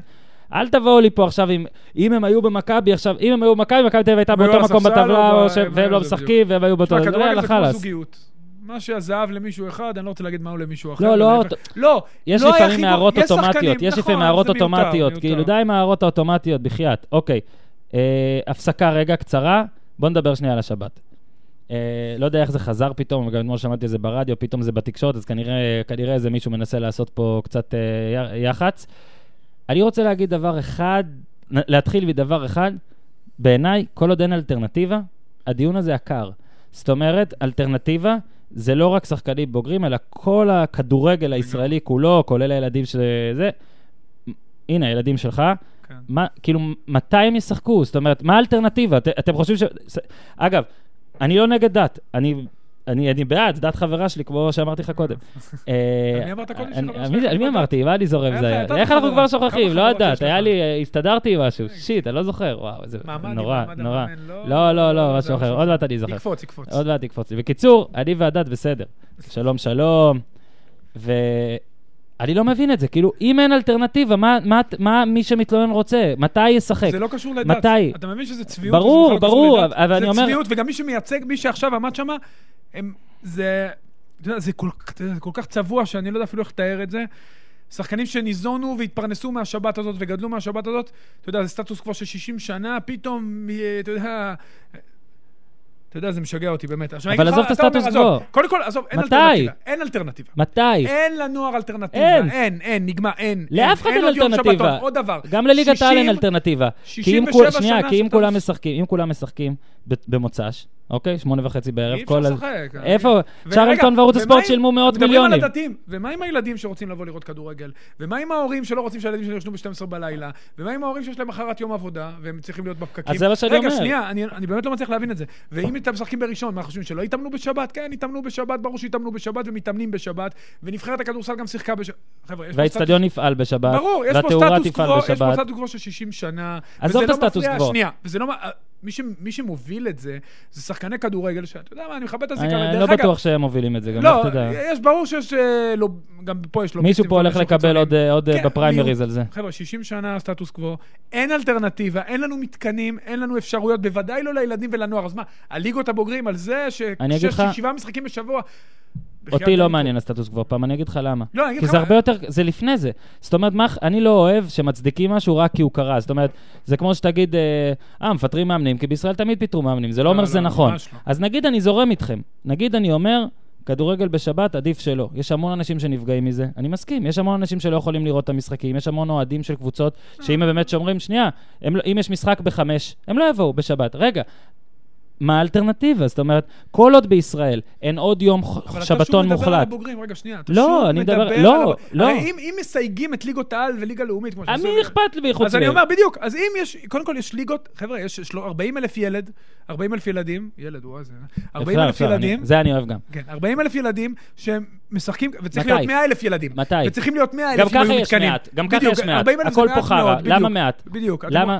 אני לא מבין דבר כזה. אין מתקנים. תבואו לגישה ותשאלו ותציעו את האלטרנטיבה. זאת אומרת, המאבק של האנשים שנגד הכדורגל בשבת צריך להיות מאבק למען יום שבתון נוסף. ואז, סבבה, יהיה עניין של סטטוס קוו. כי אז יגידו, האם נשבור מסורת של שבת בבוקר ילדים משחקים, נכון. שבת אחרי צהריים, שירים. ושערים, שבת בערב, תוכניות הטלוויזיה, האם נשבור את שבת הכדורגל שלנו? ואז אני אגיד, בוא, זה דיון, דיון. זה ראוי, סטטוס קוו, דיון ראוי. כרגע הדיון לא ראוי, כי כרגע אין אלטרנטיבה. בדיוק. אה, ואני כן מחשיב את הילדים, כי הילדים, כל ה-40 אלף האלה שאמרת, שהם מעט מאוד, משחקים כי שבת זה חופש. מתי הם- מותר. אתה רוצה לקנות אוטו הביא? לא, עוד שאלה. כל האלה שמצטדקים, נכון, שבת. אם הם היו משחקים באירופה, ובאירופה, באנגליה, אני משדר לפעמים עכשיו אתה בשבתות. מתפרץ. רגע, אז כאילו, מה הייתם עושים? לא, חבריא. מי זה, אבי איבגי אחד מהמובילים? אבי איבגי ועידן טל, היו אותו. אם אבי איבגי היה אה, שוער. אברטון, אני, הוא לא היה מדבר בכלל. ברור. ואם הוא לא יהיה שוער אברטון, בגלל, רק בגלל הדת, אוקיי, הוא בגלל יכולת לא שוער אברטון, אבל נגיד שהוא היה... ש- נגיד, זו בחירה הייתי מעריך את זה מאוד. זו, לא, זו בחירה שהוא היה צריך לעשות, וזו בחירה, בוצ... בחירה שלו, ואין מה לעשות. שוב, דת זה דת, אני לא אוהב, ש... אני לא אוהב לקחת אותה בקיצוניות בשום לא, דת, אבל אני מכבד, בדיוק. יש שחקן שניר גואטה. מכבד גם את שניר גואטה, עשה הוא בחירה. הלך, הוא עשה בחירה. בדיוק, עשה בחירה. אתה רוצה להיות... למה, אין אף סופרסטאר ברשימה? אין אף סופרסטאר כדורגל ישראלי ברשימה. למה אין? למה, למה, אה, אה, אה, כאילו... אה, לא, נגיד, למה זהבי, בוזגלו, למה הם לא... אם בוזגלו ברשימה, אני מצטער, אבל למה הם לא גם- ברשימה? למה לא חמד לא. ברשימה? אורן, לא, לא- הדיון לא הוא הדיון. כזה, תפריד את זה לשני דברים. א', כלל המדינה, נכון. שנגיד, אנחנו, שנגיד אם מישהו עכשיו יבוא ויגיד לי, תשמע, אתם מפספסים פה מלא כישרונות של, של, דוס, של דתיים, של, של, של, של בני ישיבות, אז אני אגיד לו, נגיד, נגיד, סבבה, לדעתי זה לא נכון, כי לדעתי ילד שממש זה היה לא רוצה, ל- נכון. כאילו ילד, ש, ילד שלומד בישיבה, אין לו סיכוי להיות שחקן כדורגל, כי הוא מעדיף את הדת. שוב, זכותו, שהוא לא יכול לגמרי. להיות- לא יכול להיות בצבא, אני עושה פה תנועות. נכון, כמו- אז סבבה, זכותו לגמרי. אבל איפה פה, איפה... עזוב רגע את הילדים, האנשים, נגיד, צדק, איתי שכטר, שרשומים שם והכול, מה אתם מציעים? וכן, השאלה ה- ה- הנוגעת זה, נגיד, שיר צדק, עכשיו אתה אה, בלם אה, אה, חטאפה, אוקיי, ויש משחק בשבת, או אימון בשבת, לא בטוח שאתה גם את זה. שהוא ו- בלם הפועל האם באר שבע. תוותר על קריירה? ועידן טל, שאתמול שמעתי ברדיו, ו- ושאלו אותו נכון, עידן טל, שעכשיו פתאום כל זה, עידן טל עשה מאות אלפי אה, אה, פאונדים, יותר מזה אפילו, שיחק בשבתות כל הזמן וזה, עכשיו הוא פתאום אה, גילה משהו, שאגב, שוב, מכבד, באמת אני אומר לך, אני מכבד לגמרי, לגמרי. אגב, אני במשפחה שלי יורדים עליי, אה, קוראים לי הדוס, אני, אני אה, שומר, עושה לא, שיש הגנה אזורית. אז. הנה, אז כל עוד אין אלטרנטיבה. הדיון הזה בעיניי, אה, בזבזנו פה זמן טוב, אגב, אני מרגיש, אני מרגיש טוב לגבי הסגמנט הזה, לא, אז זה תודה. דיון שמעורר הרבה אמוציות. תודה שאתם יודעים. אני אומר לך ככה, אני בא אובייקטיבי לגמרי, רק מה האלטרנטיבה? זאת אומרת, מה האלטרנטיבה? ומי אלה שמציעים? ו- ו- ולמה אין סופרסטארים שמציעים את זה? זה... לא מספיק יש לנו בעיות בכדורגל, גם את זה מכניסים לתמונה. עכשיו עוד פעם, אסור גם להחריג את ליגת העל, תבינו, יש פה ילדים, ויש פה נוער, ובקרוב יהיה שעון חורף. עזבו את הקיץ, שעון חורף, מה בדיוק, מה, כאילו, אתה יודע, מה, מה אבל הילדים זה האלה מה אמורים שמעצבן לעשות? אותי, ש, שבאופן, אה, אני לא רוצה להגיד עובדתי, כי אולי אני טועה, אבל המתלוננים הכי הכי גדולים, הכי, עזוב את אלה שחתמו, יש הבדל בין לחתום על מסמך שאומר, יאללה, אני חתום כן. בו, לבין ממש להוביל מאבק. אני רוצה לראות את איתי שכטר אומר, אני לא יכול לשחק בליגת העל, אני הולך לשחק בליגה א' ועובר להיות מתכנת מחשבים. הוא לא יעשה את זה. נכון. ו- וזה סבבה, אגב, זכותו של שכטר לחתום על מסמך, זה לא אומר ששום דבר, אבל איפה, אני שואל למה אלה שמובילים, אלה שבאמת מובילים את המאבק הזה, עד כמה הם אוהבים את הכדורגל הישראלי? לא לא, עד. כמה הם לא, אוהבים? לא, אני אגיד לך למה. כמה? זה חשוב להם? כל הרבנים השחקנים האלה שכאילו הכי נגד, והפוליטיקאים שהכי נגד, כמה משחקים אתם רואים בשבת? כמה משחקים, ביום שני. עזוב את שבת, ביום שני, כמה משחקים מרכזיים אתם רואים? כמה מתוך שאלה. 90 דקות אתם רואים? אני שמעתי אתמול אותם מדברים, לא ראיתי כנות, זה כאילו הם אמרו, זה לא קשור לכדורגל, זה לא קשור לפה, זה לא קשור, זה לא עבודה, קשור מה לדת, אכפת לכם? זה לא קשור אז אל לדת, תתערבו. כאילו, מה אתם מבלבלים את הביצים? אתם עכשיו, כל החיים, שנייה, כל החיים התפרנסתם, ינקתם מהמקצוע הזה מגיל ילדות, הרי אשתי, אתן לך סיפור מהבית, היא אף פעם לא הבינה איך אני בשישי שבת ככה עמוס וזה נראה לי טבעי. וואלה, זה נראה לי טבעי, זה נראה לי, אתה יודע גם, זה הכי כיף בעולם, אני נהנה מזה, זה משהו שעשיתי מאז שאני ילד. כדורגל, אתה, אתה יודע, היינו באים למגרשים בשמונה וחצי בבוקר בשבת, נכון? אז אני רואה היום גם את ההורים באים עם הילדים הקטנים למגרש, אחר כך הולכים לטיולים, עושים whatever, מה שהם רוצים. אין מה לעשות, זה, מסו, זה משהו ש... קודם כל, אין לו, כמו שאמרת, אין אלטרנטיבה, וכנראה גם לא תהיה אלטרנטיבה, אף אחד לא יעשה עוד יום שבתון בשביל הכדורגל. וגם אם יהיה עוד יום שבתון, זה עדיין יוצר המון בעיות. תבינו, אין לנו פה מתקנים, אין אפשרות לפזר עוד מספיק את המשחקים. בין כה וכה משחקים יושבים אחד על הראש של השני, שלא לדבר על אימונים. אם היית בא, אם היית בעיה בא... חמורה, עם, עם פתרון, אין פתרון. אם אה, אחד הפוליטיקאים ההולנדים, השוויצרים, לא יודע, ממדינות שבהם יש המון אה, איכויות אחרות, היה מציע דבר כזה, סבבה, שם, במדינות שלהם. בישראל, הכדורגל, שוב, אני אומר את זה, זה understatement, הוא בעייתי מאוד. המצב הנוכחי של הכדורגל הוא בעייתי מאוד. למה להכביד עוד יותר, ולמה, א- איך יכול להיות שמי שמנהיג את, ה, את הרצון הזה, את הכל, הם או שחקנים לא מספיק טובים, שלא הצליחו בקריירה לא בגלל הדת, או פוליטיקאים שלא רואים כדורגל, או דתיים שלא מתעניינים בכדורגל ולא התעניינו בכדורגל, נכון. אוקיי? אז, אז אני אומר, שמע, אם אתם רוצים להיות איראן, אוקיי, אומרים איראן זה כאן. אגב, בוא נהיה איראן, כי איראן מקום 25 בדירוג פיפ"א וישראל 82, אז אולי, יודע מה? אני בעד. אני חושב שלא צריך להיות כדורגל בשבת. אוקיי, ממשיכים. אה, מקום שביעי, סילבס, קריית שמונה, למרות שאין לו ביתיות, עושה בסדר. אה, מאמן מצוין, זה היה ברור שהוא יצליח, התחלה קצת, אתה יודע, אה, עם תיקו והפסד, אבל בסך הכל היה ברור שסילבס הוא מאמן נהדר, הביא את הצוות שלו מרעננה, יש קבוצה טובה בקריית שמונה. אני כל כך נהנה לראות את שובל גוזלן הנה, פורח. יופי, אוקיי, בסדר, יופי. הלכת, נפלת על מוקש מספר אחת. שובל גוזלן, כתבתי בטור שלדעתי שובל גוזלן, אה, טוב יעשה אם יפסיק אה, את הלופ האינסופי הזה של אני רוצה להיות במכבי חיפה, אני לא, אני מנסה לחזור, אני לא, ויתחיל לחשוב... לדעתי הוא הפסיק, הוא עבר לצמיתות. כן, נכון, אבל אפשר, לא, ש- אה, הוא עלה לראיון ושאלו אותו האם זו פעם אחרונה, האם אתה אתה שוב רוצה לחזור במכבי חיפה? אמר, לא אגיד אף פעם לא, אני לא יודע.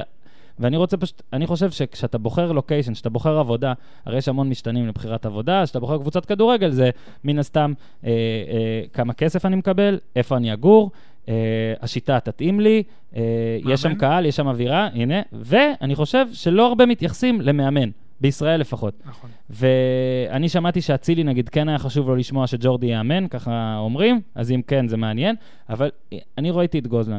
אם סילבס יצליח, אז גם ברעננה, אחרי עונה מאוד, עונות קשות. ואחרי זה גם, שוב, במכבי חיפה לא כזה... אז אני אומר, תשמע, זה נראה באמת אחלה צמד. נראה שבאמת סילבס מעריך את גוזלן הרבה יותר ממה שמאמנים אחרים מעריכים, ולהפך, נראה שגוזלן מבין את סילבס יותר, וראית זה, גם היו גולים, הגולים האחרונים של גוזלן, גם גולים שמוציאים, מעלים את המניה שלו בעיניי. זאת אומרת, את הראש ידענו שיש לו והכל, אבל פתאום אתה רואה גם תנועה בלי כדור והכל, ועזוב לא, זה גם שבק... ועזוב כן. שבקהל פתח תקווה הייתה כזאת מפורקת, כי שוב, אי אפשר לדבר יותר מדי על רפואה בפניך, ואני לא אהבתי שהוא אמר שהוא לפני שבועיים וחודש כבר חשב, כי אז מה אתה עושה פה עכשיו? איפה הכבוד שלך למקצוע עכשיו? אבל זה אני אומר, אתה תתייחס לגוזלן, ובכלל למה אז אני אגיד לגוזלן. גוזלן... ולקשר שבין שחקנים למאמנים. זהו, אז אני חושב ששחקן, בדיוק, בחר, צריך לפעמים לבחור, גם אם זה עולה לו בכמה שקלים בשלב, בשלב המיידי, צריך לבחור לפעמים את המאמן שהכי מאמין בו, הכי מתאים לו, והוא גם מרגיש שהוא הכי אה, פורה איתו, זאת אומרת שהוא הכי מפרה אותו, המאמן. ואני חושב שבין גוזלן לסילבס יש חיבור מצוין. אתה ראית את השערים, קודם כל גוזלן תמיד היה לו צעד ראשון פנטסטי, יכולת סיום נהדרת, רגל ראש. מתייחסים לראש כי הוא נמוך, ובאמת יש לו משחק ראש יוצא דופן בכל כל קנה מידה, אבל יש לו משחק רגל טוב, יש לו צעד ראשון, אפרופו הניטור, יש לו פשוט כוח מתפרץ ברמות הכי גבוהות שיש. אה, הוא מסיים, ראית, הוא בא מול השוער, פס לפינה, לא באלימות, הוא עושה תנועות עומק מצוינות. אני מאוד נהנה לראות אותו, יש לו חיוך מקסים, זה כיף שהוא מצליח, אני מאוד שמח, ואני חושב שהוא עשה בחירה נהדרת, וכמו שאמרת, הוא לא צריך למהר לחזור וללכת למקום אחר, אלא אם כן סילבס ילך למקום אחר, ואז זה כבר סיפור אחר. סילבס זה מכבי חיפה. בדיוק, הסילבס שיהנה, אה, הנה, אולי גם סילבס חושב על זה, סילבס שיהנה מגוזלן, גוזלן שיהנה מסילבס, ושקריית שמונה תהנה משניהם. וזה יפה שהם אה, עוד ניצחון, ושוב, יש שם, אה, גם בשבוע טוב. שעבר עסקנו בזה בקטע הביתיות, שזה נורא בעיניי, שאצלנו לא מצליח להיות מוכן. עוד דבר שבישראל מצחיק. אגב, זה אה, ראש עיר, שאפילו, שאחרי שעשינו את הכתבה על זה בוואלה, אה, ביחד עם שלמה וייס, הם הזמינו עוד מבדק. בקריית שמונה, שוב, אה, נציג של משרד הכלכלה שצריך לאשר רישיון עסק לאיצטדיון, ראש העיר נכח ולא עבר. אני- אה, אני- זה לא עבר, אתה יודע, קולט מה זה שראש עיר מגיע וזה לא עובר? תקשיב, זה הורג לא אותי. קיבלו רישיון עסק המדינה עדיין. הזאת הורגת אותי. בלומפילד כבר אמור להיפתח שנה הבאה, שיפוץ מ-14 ל-29 אלף, נכון? 29 אלף מקומות. ווייט הארט ליין, תראה מה עשו. הם הרי הקימו חצי אצטדיון מסביב לווייט הארט ליין, הרסו את ווייט הארט ליין, טוטנאם רק שנה אחת תהיה בוומבלי, ויקום אצטדיון של 65 אלף מקומות. בסדר, בלומפילד שנה. ב-2027. אבל תוך שנה מקימים אצטדיון של 65 אלף מקומות. חושבים קדימה. בדיוק. את בלומפילד לא... ואני בטוח שיהיה גם דרכי גישה. בוא'נה, אתה יודע כמה זמן עד שהרסו את בלומפילד? עזוב זה, עכשיו הוא... בדיוק, יום אחרי, בטוטנאם הראו תמונות יום אחרי נכון. הפרידה והכפיים וכל מה שהיה שם, בלח, הורידו את כל האצטדיון. הלו, הלו, אני כאחד שפעם היה נוסע המון ברכבת, כי גדלתי בצפון ושירתי אה, במרכז, ואז גם גרתי במרכז, ו- והייתי משתמש? הרבה ברכב- ברכבת. לא, לא, תל אביב. לא, דווקא האצטדיון של נתניה גם לקח אה, לא, 14 לא, לא. זה עזוב, לא, לא, אני רוצה להגיד על הקו, על בכלל על הרכבת. כשהייתי ילד, היה ברכבת אה, מין אה, אה, מזנון כזה, קיוסק, אני לא יודע, מין איזה אזור מסעדה כזה, כאילו קרון אחד שזה. עכשיו, בסדר, החליפו את זה לרכבות אה, חדשות, אין מקום לזה, אבל היה תמיד בחור שעובר.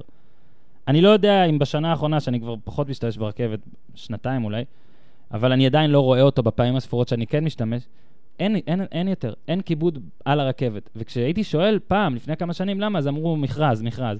אז אתה מבין, אוקיי. עד שמפילים את בלומפילד, נו, בסדר, מה אפשר לעשות? מקום שמיני, עד שמפילים את יובל נעים. יובל נעים מנצח, יובל נעים מפסיד, יובל נעים זה, לא משנה, הוא עדיין מדבר עצמו בגוף שלישי ויעשה את המצב שלו הרבה יותר קשה עם משהו, ואני מת על זה. שאלה לי אליך, כל שבוע אני מרגיש שמורחק או יובל נעים, או עוזר המאמן של יובל נעים. מה יש לך להגיד על זה? שהם מאמנים עם הרבה אמוציות. כן, יש להגיד על זה. זה נראה שהאזור של יובל נעים, האזור הטכני, לא צריך להיות מסומן בגיר, אלא להיות ממש אשכרה חומה. לא כזה שהוא כמו... רק מציץ, כן, תא זכוכית כן. כזה, לא עלינו, תא זכוכית עם חורים שהוא יכול להציץ. תשמע, זה- זה אין שלו במובן מסוים. טכ- אני בסדר עם זה, אם בסדר לו להיות מורחק, ואם זה לא קנסות, ואם זה לא... אה, זה, למרות שעכשיו לדעתי יכולים להעמיד אותו כן. אבל ל- הוא עם הניצחון יחיה עם זה, אני חושב שזה חלק מהקסם שלו. אה, אתה לא יכול, אה, הוא גם אמר את זה בעצמו, וזה יפה לראות, הוא מודע לכל מה שהוא עושה, לטוב ולרע, ובסך הכל, תשמע, הוא ממשיך לעשות עבודה טובה באשקלון. אני נותן לך רשימה. אשקלון, מכבי פת אני לא נותן לך, היא גם לא תהיה שם לדעתי עוד מעט, אז אשקלון, עכו, רעננה ואשדוד. ארבע קבוצות, מי כרגע, כרגע, בעיניך, איך אתה מדרג אותן כרגע, את הארבע קבוצות האלה? אשדוד, עכו, רעננה ו... אשדוד הכי מה? המצב הכי, הכי חלשה. הכי קולוסלי, סבבה. אשדוד, עכו, רעננה, כן. אשקלון. כן. זה אומר שאת אשקלון אתה קצת uh, מציב למעלה, ואני אומר שפשוט קשה לי באשקלון. אשקלון נראה שזה באמת יובל ניימית שנשענת על מין מוטיבציה כזאת לא ברורה, בעשרה שחקנים עוד תוקעים את הגול הזה, ואז הוא עוד יורד על איילה שבעט כן, לא צריך הפנדל, ש- כן. של- שלקח מאורמוס, לא? זה משהו כן, כזה. כן. ולא יודע, נראה לי, נראה לי פשוט לנובלה, תראה, בוא נראה את הלו"ז שלהם. יש להם רעננה, זה, תשמע, זה. כבר הופך להיות משחק מאוד מעניין. אה, ואז יש להם את מכבי, אוקיי? לא קל. לא קל, פחות קל. ואז יש להם את, כמה זמן לוקח לי? את אשדוד, משחק עונה. עוד משחק עונה, ואז יש להם את מכבי פתח תקווה. שמע, זה קשה. אבל כל אלו, ואז ביתר. אשדוד, אשקלון עם חמישה משחקים ששלושה אבל מהם... אה, יובל נעים לא לא מאמן. אז בגלל זה אני אומר שזה. מרגיש לי- הוא התמקד בשני המשחקים, תשמע, יש לו שני משחקי עונה. אה, של אשדוד וזה. לגמרי. אוקיי, פליקס דייב, אה, מדורג אצלי תשיעי, הכל יכול לקרות, ושוב, בדירוג כרגע יש רק 12, כי שניים הלכו. אה, יש לנו משהו להגיד על סכנין, או שבגלל ה-0-0 הזה אנחנו ניתן להם שבוע חופש, אה, מר אוזן? תן להם לנוח. עבור. אוקיי? שלומי דורה. כאילו, הקלישאה היא, אחרי אה, ניצחון גדול ירידה לקרקע, היה מין הרגשה שזה מה שנקבל, אני את האמת חשבתי שיהיה תיקו, וזה גם כמעט היה, כל זה, אבל איפה עכו נראית? אה, מה עכו האמיתית? אני חושב שעכו... אגב, זה אחלה תהיה להסתכל. לה נפילה גדולה בסיבוב השני. כן? זו דעתי, כן. אם היא לא תתחזק, תהיה לה נפילה גדולה בסיבוב השני. אני חושב שהיא לא, הכי פחות איכותית בליגה מבחינת חומר שחקנים. בינתיים שלומי דורה מצליח להוציא מים מהסלע. מדהים שניצחו את מכבי חיפה. בהחלט, זה באמת מדהים, שני שערים מדהימים גם. אה, אני חושב שתהיה להם בעיה בהמשך. אני חושב שהרבה פעמים סיבוב ראשון הוא קצת מטעה, כי אתה חי על כל מיני רזרבות ועוד לא מכירים אותך, ולפעמים אתה יכול להפתיע כל מיני קבוצות שלא באות מוכנות. בוא תדבר איתי רגע. מאוד התלהבנו מפייסל מוליץ' ולא רק בגלל השם. לא, לא האיכות. שלו, לא, אבל... נחמד מאוד. אה, נו, אני אומר, נחמד. כן, כן. ובעיטה חזקה, גובה והכול. נראה לך שבעכו זה שהוא מחליף, זה לא קצת מוזר? זאת אומרת ש... אה, שלומי דורה באימונים, הוא יודע מה הוא עושה, אני מניח. כן, אבל בעכו אין מספיק שחקנים, נכון? הם לא העבירו מלא. היה להם קשה מאוד להעביר, ועדיין זר נמצא על הספסל, אני לא מצליח להבין את זה, זה בעיניי תמיד מוזר, אבל סבבה. תשמע, אני מניח... יש אז יכול- בנייה יכולות אולי להיות- פחות קודם כל נכונה. יכולות להיות הרבה סיבות. קודם כל, עכו נבנתה גם מן הסתם מאוחר. נכון, אמרתי, זה- זה- זה תפס את עיני. יכול לא להיות שמשהו. פיזי... היה חסר לי לראות את ה-2.27 תשמע, הזה מול ה... בדיוק, הוא מאוד גבוה. יכול להיות שגם הוא לא יכול להשלים פיזית 90 דקות, אתה יודע, אתה לא יודע, אני בטוח שלומי דורה יודע יותר טוב מאיתנו, הוא איתם באימונים, הוא מכיר את השחקנים, ובינתיים שהוא עולה כמחליף הוא עושה שינוי, אז יכול להיות שהוא מעדיף את זה ככה. אה, שלומי דור, אה, משלומי דורה אה, אנחנו עוברים לראובן עטר. שוב, גם מבחינת המשחק, 0-0, אז אין המון מה לנתח, מה להגיד, היה מאוד משעמם המשחק. נקודה ראשונה מצד אחד, מצד שני אלוהים ישמור, כי אם הארבעה מחזורים האלה אתה מוציא אחד, זה בעיה, ונעשה לך את המשחק גם עם אשדוד. יש להם את נתניה, ואז מכבי חיפה בחיפה. לא קל, שניהם לא לכאורה, קלים. לכאורה. תשמע, אין משחקים קלים בליגה. לא, ברור, אבל כשאתה רואה את הקבוצות, אשקלון. אני נתתי לך בכוונה קבוצות ספציפיות, שעוד הרבה הפסדים, ואז אשקלון, כן, נכון? בדיוק. אז יש להם, תשמע, מול נתניה הם צריכים להוציא נקודות, אתה יודע, בבית, אה, מול נתניה. והם לא יוציאו. אה, יהיה להם מאוד קשה, כי נתניה קבוצה חזקה ומאוד מאומנת, ואשדוד נראה, נראית, מול סכנין נראה שיש טיפה אנרגיה, אבל מאוד מאוד קשה להם להבקיע שער. קודם כל ראובן עטר הגיע לחגים, שזה כבר uh, סבבה. השאלה שלי, הוא גם התחיל מאוחר. השאלה שלי, uh, uh, כמה אתה חושב ברגע ש... כאילו רן בן שמעון הלך, ואז ג'קי uh, הביא את עטר, ולפי דיווחים לשלוש עונות, זאת אומרת שדיברנו על זה גם לדעתי שבוע שעבר, שאמרנו שהוא אומר, אתה זה שתעלה אותי ל... כן, ליגה? רגע. האם לדעתך זה באמת ככה, זמן של שנתיים, שלוש, או שאתה מרגיש... סתם דוגמה, אני אתן לך מצב קיצוני, נקודה אחת אחרי תשעה מחזורים. אני מאמין האם ש... יבוא הדבר הבלתי נמנע? אם יהיה נקודה אחרי תשעה מחזורים, ואני אני מקווה מאוד בשביל ראובן, באמת, כי קשה לראות אותו ככה, אני רואים באמת את הכאב בעיניים שלו אחרי אה, חלק מהמשחקים. זה יפתיע אותך? אם יהיו עם שלוש נקודות אחרי תשעה משחקים? יפתיע אותך? כן, שלוש, שלוש נקודות אחרי תשעה משחקים זה... אה, תשמע, זה... קודם כל שלוש זה אומר שתי, עוד שתי תיקו בחמישה משחקים הבאים, זה ממש אמרנו מעט. מחזור תשיעי, במחזור תשיעי זה באר שבע. אז כן, בדיוק, אז תשמע, שוב, אה, אשדוד תצטרך לקחת, היא איבדה נקודות בתחילת העונה, שהיא תצטרך לקחת אותם במקומות שאף אחד לא מצפה שהיא תיקח אותם. אז אולי מול מכבי או באר שבע, אולי מול אה, מכבי או באר שבע, אחרי שהן משחקות באירופה, אני לא יודע, אבל תשמע, הם יצטרכו לקחת נקודות, אתה לא יכול להישאר בליגה רק לקחת, אתה יודע, עם נקודה מ-12. כן. אז אה, שוב, יש שם כמה שחקנים טובים, אבל אמרנו, גם האקדמיה כבר הוציאה את כל הכישרונות הטובים שלה החוצה, היחיד שנשאר שם אה, כרגע זה קינדה, שהוא באמת שחקן סופר איכותי. אה, העובדה ששני בלמים עזבו לפני תחילת העונה היא מכה מאוד מאוד קשה להגנה. והכי הכי חשוב, קשה להם מאוד להבקיע שערים, אתה רואה את זה כמעט בכל משחק. חסרה איכות בהתקפה. ואנחנו התחלנו בקיטורי מאמנים, ואנחנו נסיים בזה.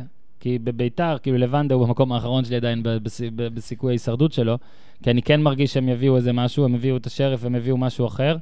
אה, איזה תעודת פרו נוצצת כזאת שתוכל לשבת לידו. אולי פשוט שהם יביאו תעודת פרו. כן. למה שביתר פשוט לא תושיב תעודת אבל פרו ליד כבר לבנדה? שימסגרו אותם גם עם זכוכית. כן, ושיהיה כזה גם ציור של אלי טביב או משהו והכל. אני, יש לי, השאלה שלי אליך היא, מה אנחנו צריכים לחשוב על זה שהקבוצה שמתנהלת הכי בג'ונגליות בתחילת העונה הזאת, אה, לעבר אנשי המקצוע שלה, מוליכה את הטבלה, 10 מ-12, 12 שערים, הכי הרבה. הגנה בסדר, אוקיי, לא מדהימה, אבל uh, עכשיו במיוחד לא, אחרי ספגו שלושה, שלושה, אז אי אפשר. להגיד, אבל לפני זה הם ספגו שניים בשלושה משחקים. Uh, מה אנחנו אומרים על זה, כאילו? אנחנו אומרים שזה חודש, וכמו שאנחנו לא רוצים לשפוט מאמנים אחרי ארבעה מחזורים, בואו נשפוט אותם אחרי סיבוב.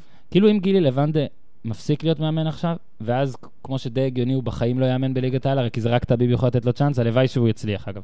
בדרך אגב, העונה אז- שעברה הוא התחיל בראשון אצל ברקוביץ'. כן, כן, וגם אה, מהר מאוד האח קודם. לפני זה הוא היה מחלקת הנוער של חיפה.